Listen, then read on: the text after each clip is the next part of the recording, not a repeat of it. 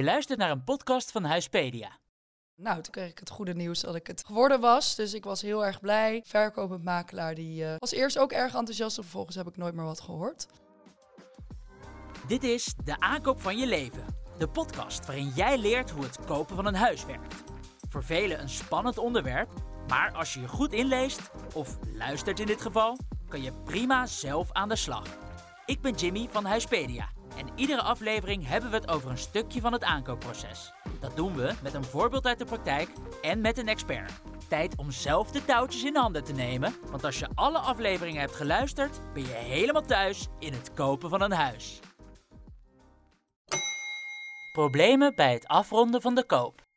Als de onderhandelingen voorbij zijn en je als koper een deal hebt met de verkopende partij, kan je de koop gaan afronden. Maar hoe werkt dat precies? Wanneer ben je officieel eigenaar? En wat nou als er daarna alsnog allerlei dingen niet blijken te kloppen? Hoe zorg je er dan voor dat dit wordt opgelost? In deze aflevering gaan we het hebben over de laatste fase van het koopproces: het afronden van de koop. Dat doen we met twee gasten: Claudia van Spaandonk die dacht haar droomhuis te hebben gevonden, maar uiteindelijk tegen een vervelende verrassing opliep. En Christa Verploeg, senior jurist onroerende zaken bij DAS en dus expert op het gebied van juridische hulp bij koopwoningen. Welkom Christa. Dankjewel. Welkom Claudia. Dankjewel. Claudia, laten we bij jou beginnen. Ja. Eh, vertel, wie ben je?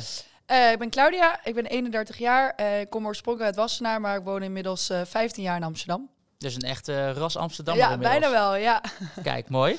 Ehm, en je hebt ook recent een huis gekocht. Klopt inderdaad. Hoe verliep die zoektocht naar het huis? Ik heb best wel veel huizen bekeken, eh, waardoor ik daardoor best wel veel ervaring heb opgedaan. En eh, nou, ik hoefde niet per se binnen de ring te wonen. Dus eh, het hele populaire gebied eh, viel voor mij dan al een beetje af. Omdat ja, daar zijn de prijzen gewoon echt sky high. Dus ik bleef lekker in mijn vertrouwde Buitenveldert.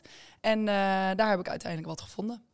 En daar heb je uiteindelijk wat gevonden. Heel Ja. goed. Hoe vaak heb je op een, op een huis geboden tijdens je zoektocht? Eh, drie keer. Eh, de eerste keer eh, ging het niet helemaal soepel, dat vertel ik zo. De tweede keer ben ik echt zwaar overboden. En de derde keer is het eind- uiteindelijk gelukt. Ben ik ook wel overboden, maar omdat ik met, zonder voorbehoud van financiering heb geboden, eh, is het uiteindelijk gelukt. Precies, dus je hebt niet gezegd, eh, ik bied dit, eh, maar ik moet nog even kijken of ik de financiering Nee. rondkrijg. Nee, Jij ik hebt had gewoon gezegd, direct gewoon, dacht ik, laten we er maar voor gaan, want dan heb je toch een stapje voor. En uiteindelijk had dus iemand iets meer geboden dan ik, maar ben ik het geworden omdat ik dus zonder voorbehoud... eh, dus dat heeft jou wel eh, geholpen. zeker, ja. In de aflevering over hypotheken hebben we het ook over bieden zonder voorbehoud. Er zijn ook wel bepaalde risico's eh, aan verbonden.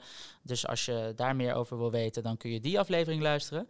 Claudia, je dacht dus voordat je eh, nu eindelijk een huis hebt gekocht, na al die tijd, eh, dacht je al een keer een huis te hebben gevonden en een deal met de verkoper te hebben.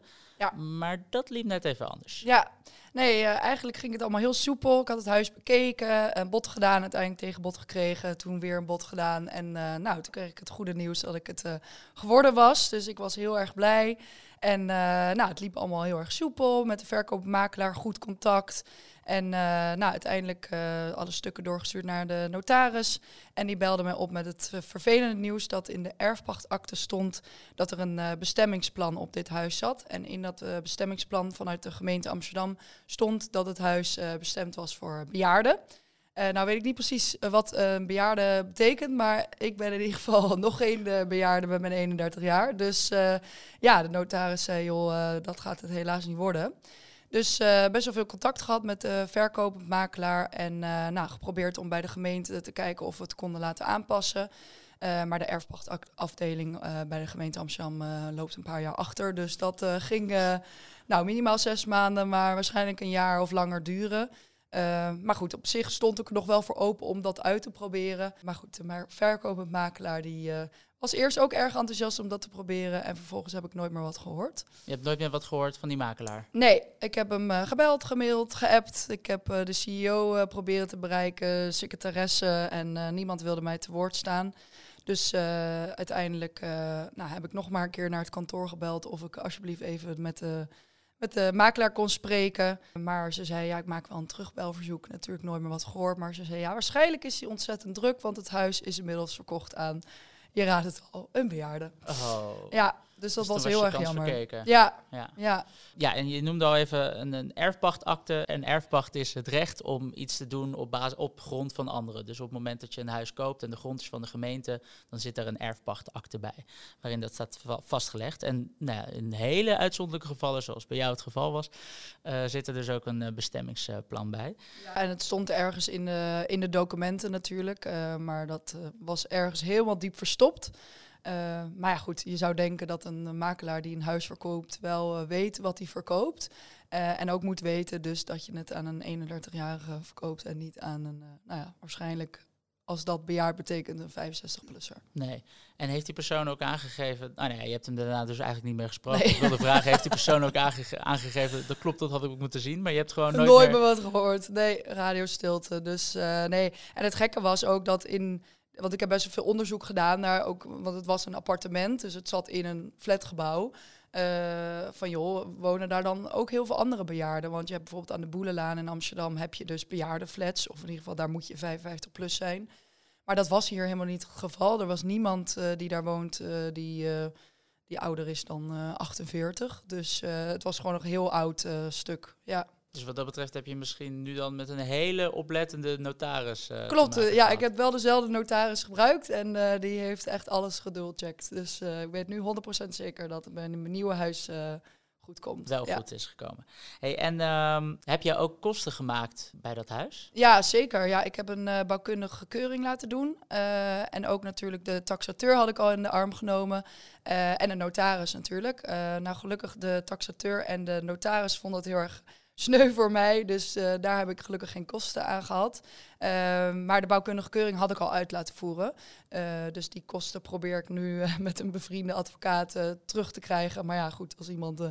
niet meer reageert, dan is dat een mooie uitdaging. Maar daar ben ik nog steeds mee bezig. Ja, dus, dus jij zegt eigenlijk, nou die makelaar die had moeten weten dat hij het aan mij niet kon verkopen. Ja. Dus had ik deze kosten niet Ja. hoeven maken. Ja, Ehm, en dat is nu wel gebeurd. Dus nu probeer je het op, die, op de verkopende makelaar te Ja. verhalen. Nou ja, eh, hoop in ieder geval eh, dat dat eh, gaat lukken. Nu heb je wel een huis gekocht, hè? ja Hoe, is, hoe is dat gegaan? Nou, uiteindelijk ja, had ik de moed een beetje opgegeven. Dus heb ik het even laten rusten. Maar eh, het huis waar ik eh, nu in woon is van mijn ouders. En die dachten, omdat ik een huis had gekocht, van joh, dan zetten wij ons huis ook te koop. Dus ik had een beetje hete adem in mijn nek, eh, omdat ik mijn eigen huis uit moest.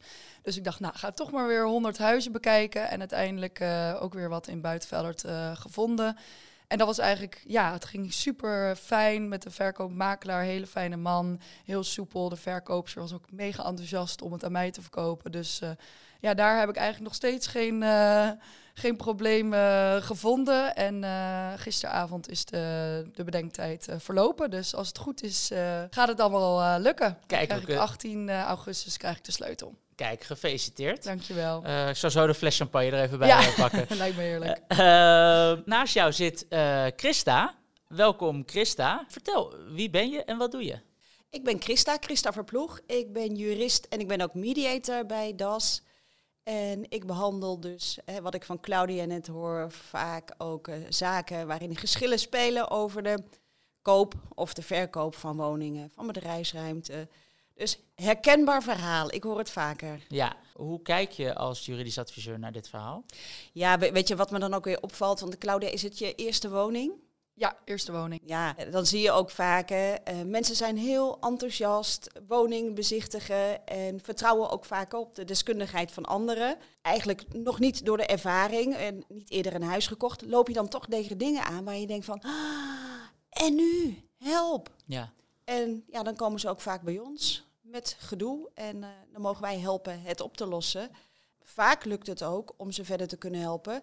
Maar soms moeten we ook zeggen van ja, sorry, hier stopt het. Ja. Je kunt niks meer. nee. En misschien met, eh, met mensen die al eerder een huis hebben gekocht, kun je, eh, die zijn misschien ook wat, wat minder eh, ja, naïef, zou ik niet willen zeggen, maar die hebben al eerder problemen meegemaakt. En die zijn daardoor misschien wat huiveriger. Ja, door de ervaring worden we wijs, hè? Ja, ja, ja. Want ja, Claudia, je tweede keer hè, dat je een huis ging kijken, dan let je waarschijnlijk ook alweer op andere dingen dan jouw zoektocht de eerste keer naar je huis. Ja, ik heb bij elke bezichtiging aan de makelaar gevraagd of het niet eh, in de erfpachtakte stond, of het Ja. bestemd was voor bejaarden. Ja. Dus eh, ben inderdaad wel wat voorzichtiger. ja. Ja. En weer een volgende keer als je een huis Ja. gaat kopen. ga je weer op andere dingen letten. Ja. En zo word je steeds wijzer en zo kom je ook steeds minder voor verrassingen te staan. Ja, ja en dit is, eh, dit is één probleem, maar eh, bij, bij DAS eh, eh, behandelen jullie natuurlijk nog meer problemen. Ja. Niet nakomen van de, van de afspraak zoals overeengekomen. Ehm, en ook verborgen gebreken. Dus dat er achteraf gebreken aan het huis blijken te zitten Ja. die, die niet te zien waren. Eh, maar uit jullie eigen cijfers is met name bijvoorbeeld voor die laatste categorie... is in de eerste helft van 2023 ten opzichte van de eerste helft in 2022... het aantal meldingen voor verborgen gebreken bijna met 20% toegenomen. Ja. Ehm, dus ja, je ziet wel dat het afronden van de kopen en problemen daarna... die komen vaker voor eigenlijk dan we zouden willen. Ja, klopt. Eh, ben je dit specifieke probleem al eens tegengekomen of niet? Ehm, dit specifieke probleem, ja, eh, wat Claudia net noemt, ik hoor heel veel dingen. Ik hoor een erfpacht, ik hoor een bestemming, ik hoor een verkopend makelaar, de notaris die ertussen zit. Ehm, ik heb meteen 101 vragen die ik, eh, die ik wil stellen. Dat zal ik nu niet doen, dan kunnen we deze podcast al mee vullen. Wat ik toevallig nu ook wel bij de hand heb, is een probleem inderdaad met mijn cliënten die ook komt van ja, ik wil mijn eh, woning verkopen. Ik had een koper en die koper komt naar mij toe. Maar ja, het is, ik mag er niet in wonen. Het is een bedrijfswoning. Eh, Ik moet, je moet ook eigenaar zijn van die onderliggende bedrijfsruimte. Komt eh, mijn klant naar mij toe. Ja, maar Christa, ik kan mijn woning nu niet verkopen. Dat ben ik nu allemaal voor hem aan het uitzoeken. En jij zegt net een hele oude actes. In dit geval ook actes van begin 1900. En een notaris die een akte daarna weer heeft laten passeren. zonder iets over de bestemming opgenomen te hebben. Dus nu ben ik eh, met de klant aan het uitzoeken van eh, hoe zit het nou precies in elkaar volgens de actes. Eh, kun je iemand aanspreken? Kunnen we misschien bij de gemeente nog de bestemming laten wijzigen? Nou ja, dat proces loopt. Dus antwoord op jouw vraag ja. Veel van die dingen die ik van Claudia hoor, die kom ik ook tegen. Ja. En wat zou je, wat zou je Claudia in dit, in dit geval aanraden? Behalve natuurlijk naar DAS en naar jou te komen met het probleem. In ieder geval, ik merk ook veel hè, kopers die enthousiast zijn. Is een leuk proces, hè, een, een woning eh, kopen. Ik adviseer wel van tevoren ook goed te kijken. Wat wordt er van jou verwacht als zijnde koper? En waar moet je op letten? Waar moet je navraag eh, zelf naar doen? Om zoveel mogelijk eigenlijk ehm, onaangename verrassingen te voorkomen. Maar ook eh, te kunnen inspelen als je iets hoort van een notaris, van een verkopend makelaar. Dus mm, een tip, doe echt onderzoek. Ja. En laten we even door het, eh, door het proces lopen van een koop. Want als je een deal hebt met de, eh, met de verkoper, zoals eh, Claudia eigenlijk had. Ja, de- definieer deal, hè? ja, nou ja, in ieder geval een overeenkomst mondeling. Ja. hoe, hoe gaat het dan in zijn werk om dat helemaal officieel te maken? Ja, nou ja, zorg als je, zeker als jij particulier bent en je koopt een woning, zorg dat je de overeenkomst ondertekent. Schriftelijkheid vereist, hè, zo heet dat juridisch. Eh, koop van een woning als particulier is pas een koop als jij een handtekening hebt onder een koopovereenkomst. Dus voor die tijd kun je ook nog van, eh, van de koop eh, af. Ja. Dus zorg dat hij op schrift staat. En kijk, hè, als jij nog niet voorinformatie gedaan hebt naar jouw financiële positie, neem altijd een voorbehoud op voor, voor financiën. Neem ook een voorbehoud op, hè, afhankelijk van eh, hoeveel druk er is, hè, hoeveel andere liefhebbers er zijn voor de woning. Bouwkundig onderzoek komt vaak voor dat je de woning koopt. Eh, ga je erin wonen, dan kom je van alles tegen. Je kunt gebreken tegenkomen, lekkages. Dus altijd ook de woning laten onderzoeken en misschien een voorbehoud maken daar ook in. Dat je zegt van, nou stel, ik laat nu een bouwkundige komen. Ik kijk nu naar jou, Claudia. Die zegt, joh Claudia, eh, het gaat je 5000 euro kosten. En jij denkt, nou die heb ik helemaal niet. En dat je dan ook nog van die, eh, nee, dat je dan ook nog van die koop eh, af kunt. Dus dat zijn van die dingen waarvan ik denk, dat is echt verstandig om te doen. Ja, en als je dat soort voorbehouden in de overeenkomst hebt opgenomen, dan is de overeenkomst eigenlijk ook pas geldig als die voorbehouden zijn afgelopen. Hè? Dus als je bijvoorbeeld zegt van joh, ik heb eh, drie maanden voorbehoud van financiering, dan pas na drie maanden, eh, of als het eerder gewoon de financiering rond is, maar stel je redt het niet, dan is na drie maanden is eh, eh, de koop officieel niet doorgegaan. Ja, klopt. Ja. Ja, nou dan heb je eh, getekend, Ja. Ehm, maar dan moet je ook nog naar de notaris. Wat gebeurt daar dan? Bij de notaris, eh, veel mensen zeggen wel eens van ja, ik heb een voorlopige koopovereenkomst getekend.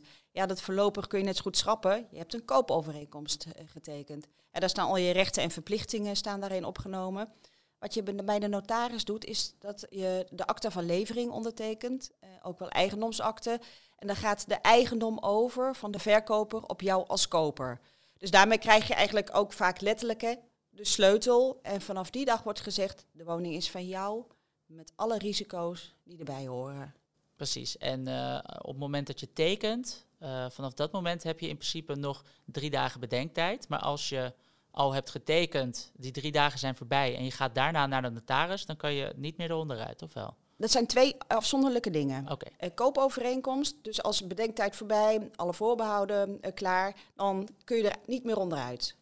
Want je hebt dus ook een verplichting. Uh, in die koopovereenkomst staat ook vaak, we gaan op datum X gaan we naar de notaris. Ja. En dan moet je eigenlijk ook op datum X bij de notaris verschijnen. Anders kun je door andere partij, uh, zoals het dan heet, in gebreken worden gesteld. Van joh, je moet naar de notaris, we hebben het afgesproken in die koopovereenkomst. Doe je dat niet en dan heb je vaak in die koopovereenkomst een bepaling en dan, uh, met een boete van 10%. Ja. En die kun je dan verbeurd raken als je niet verschijnt. Ja. En dan dus, tweede stap is de notaris, um, akte van levering. En dat, dan heb je dus eigenlijk het document waarmee je kunt zeggen, kijk, ik ben nu eigenaar van de woning. Dan heb je eigenlijk het, het bewijs dat jij de eigenaar bent. Ja, ja. En je, je zegt de akte van levering, maar er is, je hebt ook nog een eigendomsakte. Ja, dat is hetzelfde. Daar, dat is hetzelfde, ja. oké. Ja. En als je nou eerder een voorlopige overeenkomst, wat dus eigenlijk gewoon een overeenkomst Ja. is, hebt getekend, uh, moet je dan bij de nota- notaris weer tekenen? Ja. Ja, je ondertekent twee keer. Eén keer, uh, ja, Claudia, misschien kun je dat bevestigen. Ik heb nu uh, afgelopen vrijdag ook bij de notaris getekend. Het koopcontract inderdaad. En nu 18 augustus hebben we dan de overdracht met de sleutel.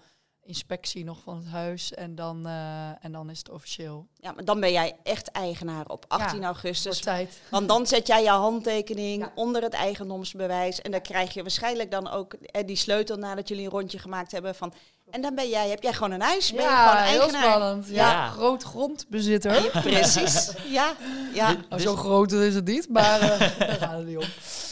Dus eigenlijk is het zo dat de eerste keer dat je tekent, zeg je: Oké, uh, ik ga dit huis kopen voor dit bedrag. En ga je eigenlijk een verplichting aan. Ja. Um, heb je drie dagen bedenktijd, maar daarna uh, ben je, uh, is die verplichting die is gewoon officieel. Ja. En de tweede keer dat je tekent, is het huis officieel van jou. Ja. Oké, okay, helder. Waar gaat het in de laatste fase uh, meestal mis als het gaat om juridische conflicten? Ja, in de laatste fase bedoel jij mee op het moment dat je die handtekening bij de notaris hebt Ja. gezet. Ik zie je al een beetje angstig kijken. Ja, hè? een beetje stress van jouw verhalen nu. Nou, dan heb je de sleutel, denk je, yes. En dan ga je de woning betrekken. Je gaat er misschien nog wat in klussen of het huis is pas klaar en je denkt van ik kan er zo in. Nu we die podcast opnemen, het heeft geregend. Dus dan uh, word je wakker na zo'n regenachtige nacht en dan zie je ineens een lekkage. Zo wat kringen in het plafond die ontstaan. En dan denk je, oh nee. Heb ik dit? Heb ik dit? En, en dan hè, kijk je nog eens goed en dan denk je, ah, mm, maar misschien is die lekkage al wel langer aanwezig.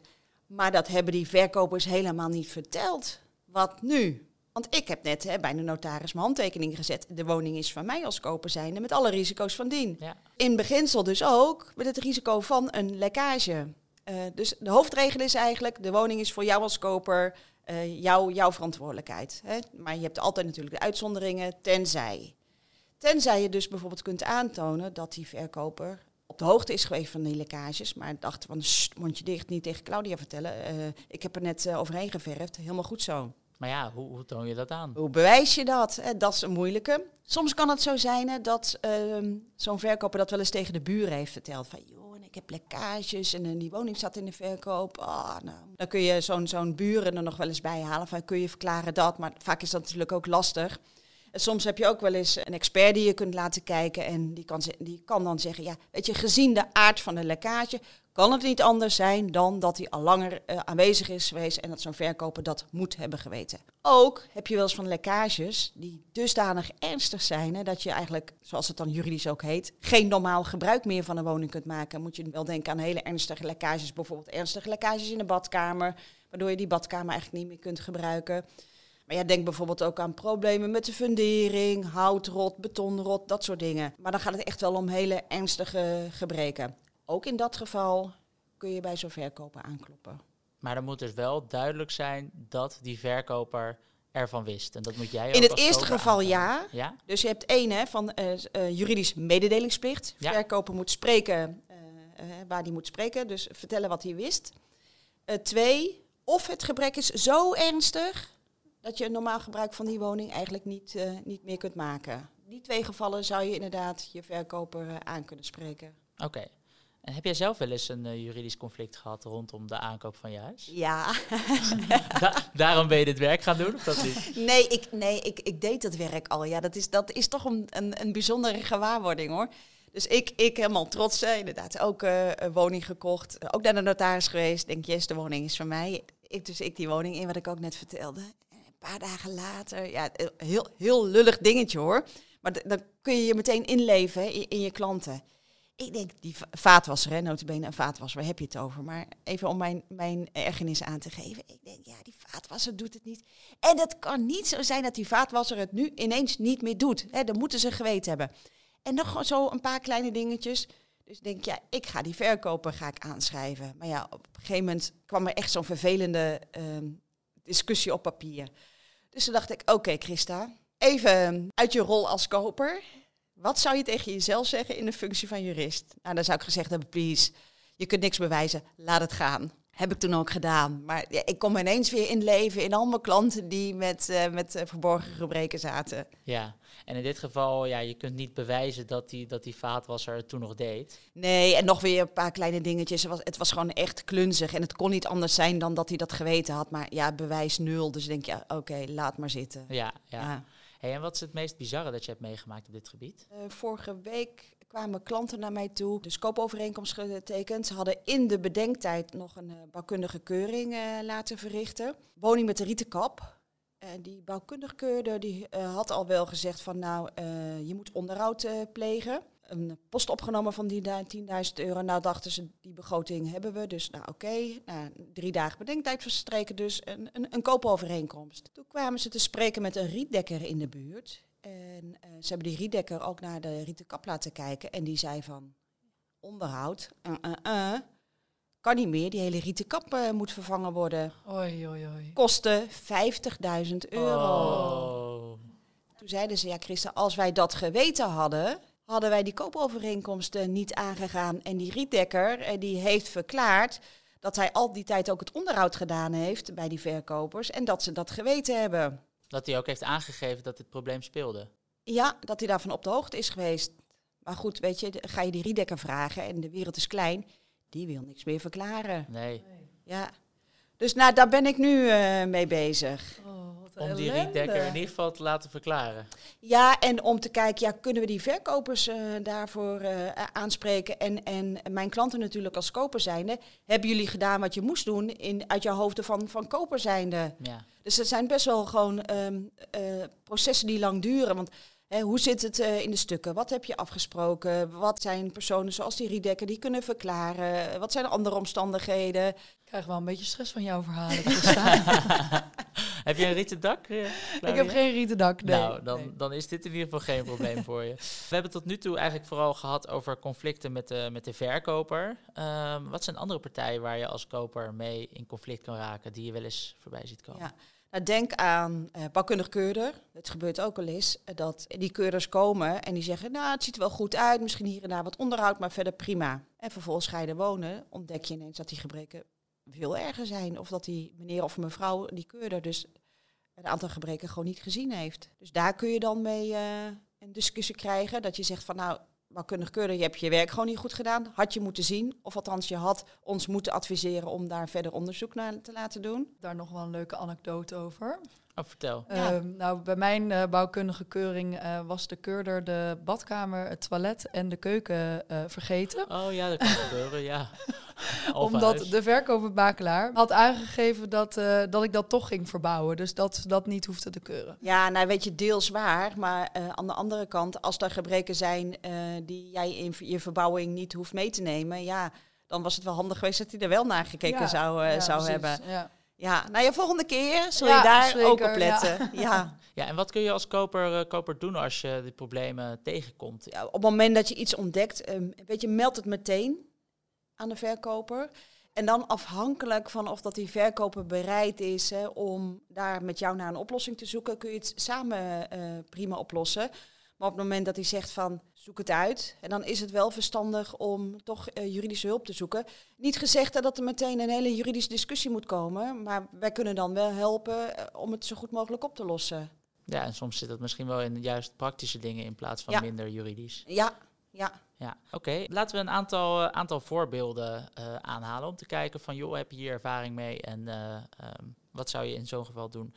Ehm, je hebt bezichtigd, het zag er elke keer top uit. De buurt zag er ook superleuk uit. Je koopt de woning, woont er net een paar dagen en wat denk je?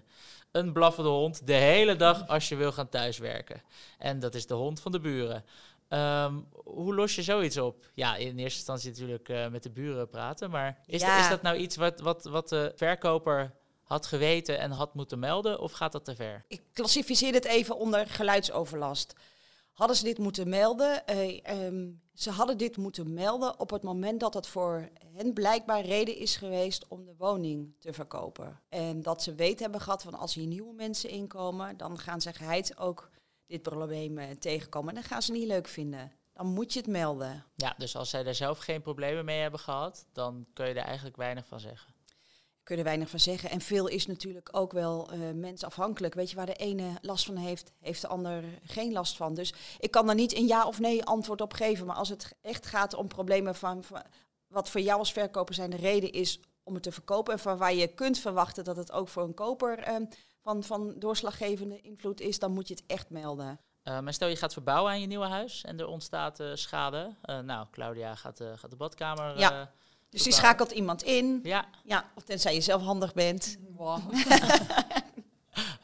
en, en eh, de, de tegelzetter, eh, bij wijze van spreken, die, eh, die maakt schade aan het huis. Ehm, bijvoorbeeld met het naar binnen dragen van de tegels eh, gaat hij tegen de muur aan. Ben je net zo blij? Wat een dramaat, eh, Ja. dramatische verhalen allemaal. Ja, ja, niet dat, eh, Nee, nee, nee. dat we, dit gejinxed wordt. Nee. eh. Straks ben je op alles voorbereid. en we gaan ervan uit dat bij jou niks gebeurt van Ja, dit alles. Maar het is wel goed om te weten Ja, wat er kan ja. gebeuren. Ja, Ehm, in zo'n geval? Ja, dat kan natuurlijk zomaar zo zijn. Eh, en degene die schade veroorzaakt, die moet hem natuurlijk herstellen. De, de wet zegt hè, van als je schade hebt, ben je er zelf voor, verantwoordelijk, tenzij een ander daarvoor verantwoordelijk is. In dit geval is zo'n tegelzetter daarvoor voor verantwoordelijk. En die zal waarschijnlijk ook wel een aansprakelijkheidsverzekering hebben. Dus die kan die daarop eh op boeken. Maar het kan ook zo zijn dat die Claudia straks bij jou in je badkamer aan, aan de gang gaat. En dat die schade maakt, maar dat die schade voortkomt eigenlijk uit een verborgen gebrek wat al in die woning was. Ja. Ja, en dan ga je natuurlijk een discussie krijgen van eh, wie moet die schade dragen. Is die voor jou risico of eh, komt er door de werkzaamheden van de tegelzetter? Had die tegelzetter dat moeten zien? Dat eh, kan ook een discussie worden. En wat nou als, als die tegelzetter nou scheurende muur maakt met zijn tegels en vervolgens zegt hij van, nou, die scheur die zat er al. Moet jij dan weer, net zoals net eigenlijk gaan aantonen dat die scheur er Ah, niet zat? Ja, dat is dan ook weer eens zo'n discussie inderdaad. Ja. Dat je zegt nee, die scheur zat er niet. Ja, bewijs het maar. Gelukkig heb je vaak wel foto's. foto's. Ja, Ja. precies. Ja, dus dat is dan ook nog wel een tip. Hè. Voordat je werkzaamheden eh, laat Ja. verrichten, maak gewoon even foto's. Van Ja. zo zag het er in het begin uit. Ja, goede tip inderdaad. Stel je wil een aanbouw gaan maken eh, voor een eh, huis dat je net hebt gekocht. Ehm, eh, ja, je krijgt vervolgens de vergunning niet. We hebben het hier natuurlijk over, kun je de verkoper eh, aanspreken? En in dit geval, eh, stel nou je bent in het proces eh, tot koop van die woning en je hebt het met die verkoper over van, nou, ik wil een aanbouw realiseren, want ik heb kinderopkomst, we willen onze woonkamer uitbreiden, whatever, maakt even niet uit. En die verkoper die weet, die gaat ze niet krijgen, maar die houdt zijn mond dicht. En dan kun je zo'n verkoper wel, eh, wel aanspreken, want je hebt het uitdrukkelijk erover gehad. En zo'n verkoper heeft eh, wellicht gezegd, van, ja, leuk, moet je doen, eh, dat gaat wel lukken. Terwijl die misschien wel van de buren weet die dit ook graag wilden, dat ze het niet kregen. Precies, precies. En dan, dan weet je ehm, als koper dat het van belang is voor jou als koper om die woning te kopen. Dat belangrijk is dat je die aanbouw kunt realiseren. Dus in dat geval hè, heb je mogelijk een aanspraak op, eh, op die verkopers. Check. Dus eh, ook hier gaat het er weer om wat de, wat de verkoper van tevoren voor informatie heeft. Ja, zoals rechters dat dan ook zeggen, alles hangt af van de omstandigheden van het geval. Ja, ja, ja. Ja. It depends. Tot slot dan vaak hè, als je een appartement koopt, krijg je ook te maken met een vereniging van eigenaren, een VVE. Eh, wat is dat precies? Ik kijk even met een schuin oog naar Claudia. Heb je, want jij zegt, hè, in een flat heb jij nu ook eh, met een VVE te maken? Ja, er zitten volgens mij bijna 180 appartementen eh, bij. Ja, precies. Ja. Oké, nou dat is voor jou dit ook nog wel eh, van belang. Want vaak denk je van ik ga een woning kopen, de woning is van mij. Hè? Het, in jouw geval, het appartement is van mij. Maar dat is helemaal niet zo. Je hebt privégedeelte, je hebt gemeenschappelijk gedeelte. Heel veel dingen aan jouw ehm, eh, appartementje zijn gemeenschappelijk. Dat wil dus zeggen dat jij daar eigenlijk helemaal niks over te zeggen hebt. Denk aan bijvoorbeeld de, de buitengevels, denk aan de dragende muren. Dat zijn allemaal gemeenschappelijke gedeelten. Dus waarmee moet je rekening houden dat uh, je niet alleen bevoegd bent om te beslissen, maar dat je met, dat je met 180 mensen zijn uh, waarmee je gezamenlijk besluiten moet maken over bijvoorbeeld schilderwerk, reinigen van de gevel. Ik noem maar wat, wat dingen. Dus dat je niet altijd zelf mag beslissen over je eigen woning. En dat hangt dan af van het uh, document eigenlijk uh, wat van tevoren is opgesteld voor de VVE, Vereniging van Eigenaren, waarin staat wat kan iedereen zelf beslissen of wat pakken we met z'n allen op. Ja, ja. Ja, bijvoorbeeld bij mij is dat het uh, balkon. Balkon ja. in mijn, nou, de woning waar ik naartoe ga, daar is de reling best wel laag. waardoor als je een feestje hebt en iemand geeft je een duw, het is op de twaalfde verdieping, dat is best wel gevaarlijk. Ja. Dus ik dacht van, oh leuk, dan ga ik daar een mooie reling of zo bouwen. En toen uh, gaf mijn moeder ook aan van nou, uh, Klauw, dat, dat mag niet zomaar. Want ja, het ziet er allemaal hetzelfde uit, natuurlijk ja. ook vanuit buitenkant. Dus uh, daar moet ik nog even een oplossing voor bedenken. Ja. Maar ja. En, en die VVE's die variëren ook in grootte? Ja, ja je kunt ook een, bijvoorbeeld een VVE hebben met twee personen. Ja. Niet, niet, gezegd dat je daar minder geschillen mee hebt. Soms kan het nog wel eens uh, makkelijker zijn met 180 dan met twee. Ja, ja dan precies. heb je ook meer geld in kas. Dat uh, vind ik nog wel fijn. Ja, moet je, ja, ja, ja, dat is ook zo'n ding hè, waar je als koper zijn uh, ja. op moet letten. Als je een appartement gaat kopen waar een vereniging van eigenaars mee gemoeid is, is er geld. Ja. ja. want ik heb ook best wel veel bij huizen bezichtigd waar ze de vereniging van eigenaren nog moesten opstarten. Waardoor er dus echt 0 euro in kas zat. Wat betekent dus als er wel onderhoud is, dat daar gewoon, uh, nou ja, daar moet je dus uh, flink voor gaan betalen.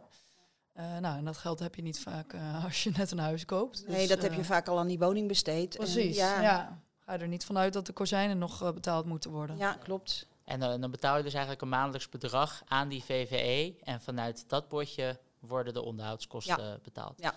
En dan, en dan worden de belangrijkste beslissingen worden met stemmen ja beslist. Maar uh, stel nou, je zit met z'n drie in een VVE. Twee van de drie willen bijvoorbeeld de balkons laten uh, vervangen. Vervolgens woon jij beneden en zeg je van ja, dat is goed, want het valt onder de VVE. Maar de kosten die nu worden gerekend, ja, ik vind dat niet marktconform. Ja. Ik, vind, ik vind dat we op zoek moeten naar meer offertes. Uh, hoe los je dat dan op als je in, als in je eentje tegen twee anderen ja, Nou ja, wat, wat jij nu noemt, hè, en dat is in, in praktijk ook wat er gebeurt. Ja, dan word je natuurlijk weggestemd. Uh, nou, het betekent niet dat je niks meer kunt. Kun je naar de rechter gaan en dan kun je aan de rechter vragen van, nou, uh, kun je het besluit vernietigen? Want het is niet oké. Okay. Kijk maar, want ik heb, ik roep maar wat, hè. Ik heb hier vijf andere offertes die allemaal een stuk goedkoper zijn. Dus het besluit uh, hadden ze niet kunnen nemen. En dan is het aan de rechter om daar wat van te vinden. Precies, en dan kun je in de tussentijd kun je ook voor juridische hulp daaromtrent ja. aankloppen. Ja. Nou, helder hebben we ook de, de VVE's weer, uh, weer uitgelegd. De Vereniging van Eigenaren. Claudia, nou ja, je bent, uh, je bent blij met je, met je huidige aankoop. Uh, zijn daar nog rare dingen naar voren gekomen? nou, het enige stresspuntje vond ik wel dat er op dit moment huurders in het huis zitten. dus ik begreep wel van de mensen om me heen die zeiden: je moet dat echt heel goed vastleggen dat deze mensen er ook daadwerkelijk uitgaan. dus ik heb uiteindelijk aan de verkoopster gevraagd of zij een ja, een brief wil aanleveren dat zij uh, tegen de huurders heeft gezegd dat ze eruit moeten. Maar ook vanuit de huurders uh, een brief terug dat ze dat bevestigen, inclusief hun uh, paspoorten. Want ja, misschien is de naam die op de brief van de verkoopster staat wel een hele andere naam dan de mensen die er daadwerkelijk in zitten. En het staat ook vastgelegd in het koopcontract lijkt misschien wat overdreven, maar ik uh, ben liever zeker dan, uh, dan dat ik achteraf een, een huis gekocht heb met, uh, met huurders erin. Ja, je koopt dus een, een, een, huis dat voorheen verhuurd werd. Ja. En dan koop je dan van de verkoopster, dus van de eigenaar ja. van de woning. Okay. Ja. Christa, is dit ook iets waar je... Nou, ik zeg goed gedaan. helemaal niks overdreven. Een voorbeeldje heb ik ook. een vriendin van mij woning gekocht. Er zat een, een huisje bij, daarin zaten huurders. En die verkopers hadden gezegd, nee, komt goed, komt goed, die gaan er wel uit. Ik zeg, nee. Ik zeg, want het zal niet de eerste keer zijn dat die huurders zeggen van... ja, we dachten dat we wat anders hebben, maar we hebben toch niks anders, dus we blijven. Hebben ze wel huurbescherming, dus krijg je er niet zomaar uit. Dus heel goed wat jij gedaan hebt. In ieder geval nu ook zwart op wit van de huurders, dat ze eruit gaan. Ja. Dus prima. Nou, fijn. Goedkeuring voor Christa. Altijd fijn. Ja. niet niet ja. overdreven ja. Daar kun je wat mee. Ja, precies. Ja. Oké, okay, als ik het samenvat. Uh, problemen na de koop kun je op de verkoper verhalen als de verkoper vooraf al van de problemen afwist. Of als het probleem zo groot is dat je er niet meer normaal kunt wonen. Zorg er daarom voor dat je als koper zoveel mogelijk doorvraagt bij de verkopende partij. En ook zoveel mogelijk vastlegt op de mail of op papier. Als er dan bij het afronden van de koop problemen zijn, heb je je zo goed mogelijk voorbereid en kan je juridische hulp inschakelen om de problemen alsnog op te lossen. Als het kan met de verkoper, maar als het moet via de rechter. Ga ik jullie allebei nog vragen om een, om een tip voor onze luisteraars. Claudia, begin ik bij jou. Heb jij een tip? Nou, ik zou zeggen, een ervaren meid is op haar toekomst voorbereid. dus uh, ja, ik denk, zoals Christa ook zei, veel ervaring opdoen. Ik heb zelf heel veel huizen bekeken en echt heel veel vragen gesteld aan, aan makelaars. En dat ja, heeft toch wel zijn vruchten afgeworpen, waardoor ik best wel veel kennis had en elke keer wel dacht van, oh ja, ik moet wel echt zorgen dat dit ja, ook bij het huis inbegrepen is. Ik heb bijvoorbeeld ook wel eens gehad dat, dat de berging in de vierkante meters zat. Ja, dat soort dingen. Kijk, als je pas twee keer een huis hebt bekeken, ja, dan zijn dat toch wel kleine dingen waar je overheen kijkt. En dan bedoel je dat de berging eigenlijk de, de grootte van de berging opgeteld was? Bij ja, dus als het huis maar 55 vierkante meter is, maar de berging is 10 vierkante meter, dan woon je toch wel een stuk kleiner dan, dan je had gehoopt. Dus ja. Nou, dat soort dingen uh, ja, zijn toch wel fijn dat je na een paar keer een huis bezichtigd te hebben, toch wel iets meer kennis hebt. Dus veel doen eigenlijk. Ja. Okay. Gewoon ook huizen waar je denkt van nou, daar ga ik sowieso niet wonen. Maar misschien toch interessant. Uh, je hebt een uurtje vrij, dan uh, ik zou gewoon lekker, lekker gaan rondkijken. Ja, goede tip. Christa? Ja, ik sluit me daarbij aan. Het merendeel van de zaken die wij binnenkrijgen, die, dat zijn eigenlijk geschillen die klanten indienen als kopers van een woning. Dus mijn tip zou zijn, als je van plan bent om een woning te kopen, en misschien niet nu, maar misschien volgend jaar, ga je echt vast inlezen. Uh, ga lezen wat er van jou verwacht wordt als koper. En precies wat Claudia ook zegt, vragen stellen. Vragen, vragen, vragen, vragen. En um, kan ook goed zijn antwoorden die je, krijgt te verzamelen. En die dan ook um, vast te leggen op de mail. En die bijvoorbeeld naar een verkoper te sturen van nou, uh, we hebben het, uh, ik heb je woning bezichtigd, ik heb jou dat gevraagd en toen zei je dat. Uh, om later niet voor verrassingen te komen te staan dat je denkt, ja, we hebben het erover gehad en je hebt het gewoon gezegd en nu ontken je. Ja. Dus veel vragen, veel vastleggen, veel lezen. Ja, nou, en daar maken we deze podcast natuurlijk ook uh, voor om uh, in ieder geval iedereen te helpen om uh, op de hoogte te zijn van de juiste informatie. en om je te helpen in te lezen en dus ook gewoon veel ervaring op te doen en alles vastleggen. Nou, hopelijk ben je als luisteraar weer wat wijzer geworden om zelf goede keuzes te maken rondom de aankoop van je woning. Zit je te luisteren en heb je nog vragen? Nou, je hoort het net. Uh, vragen uh, altijd vastleggen op de mail. Dat kan. Stuur gewoon een mailtje naar info.huispedia.nl en dan beantwoorden we die graag. Wil je ook succesvol een huis kopen? Nou, zorg dan dat je nooit een aflevering mist en volg onze podcast in je favoriete podcast app. Dan krijg je ook meteen een melding als er een nieuwe aflevering online staat. Tot de volgende!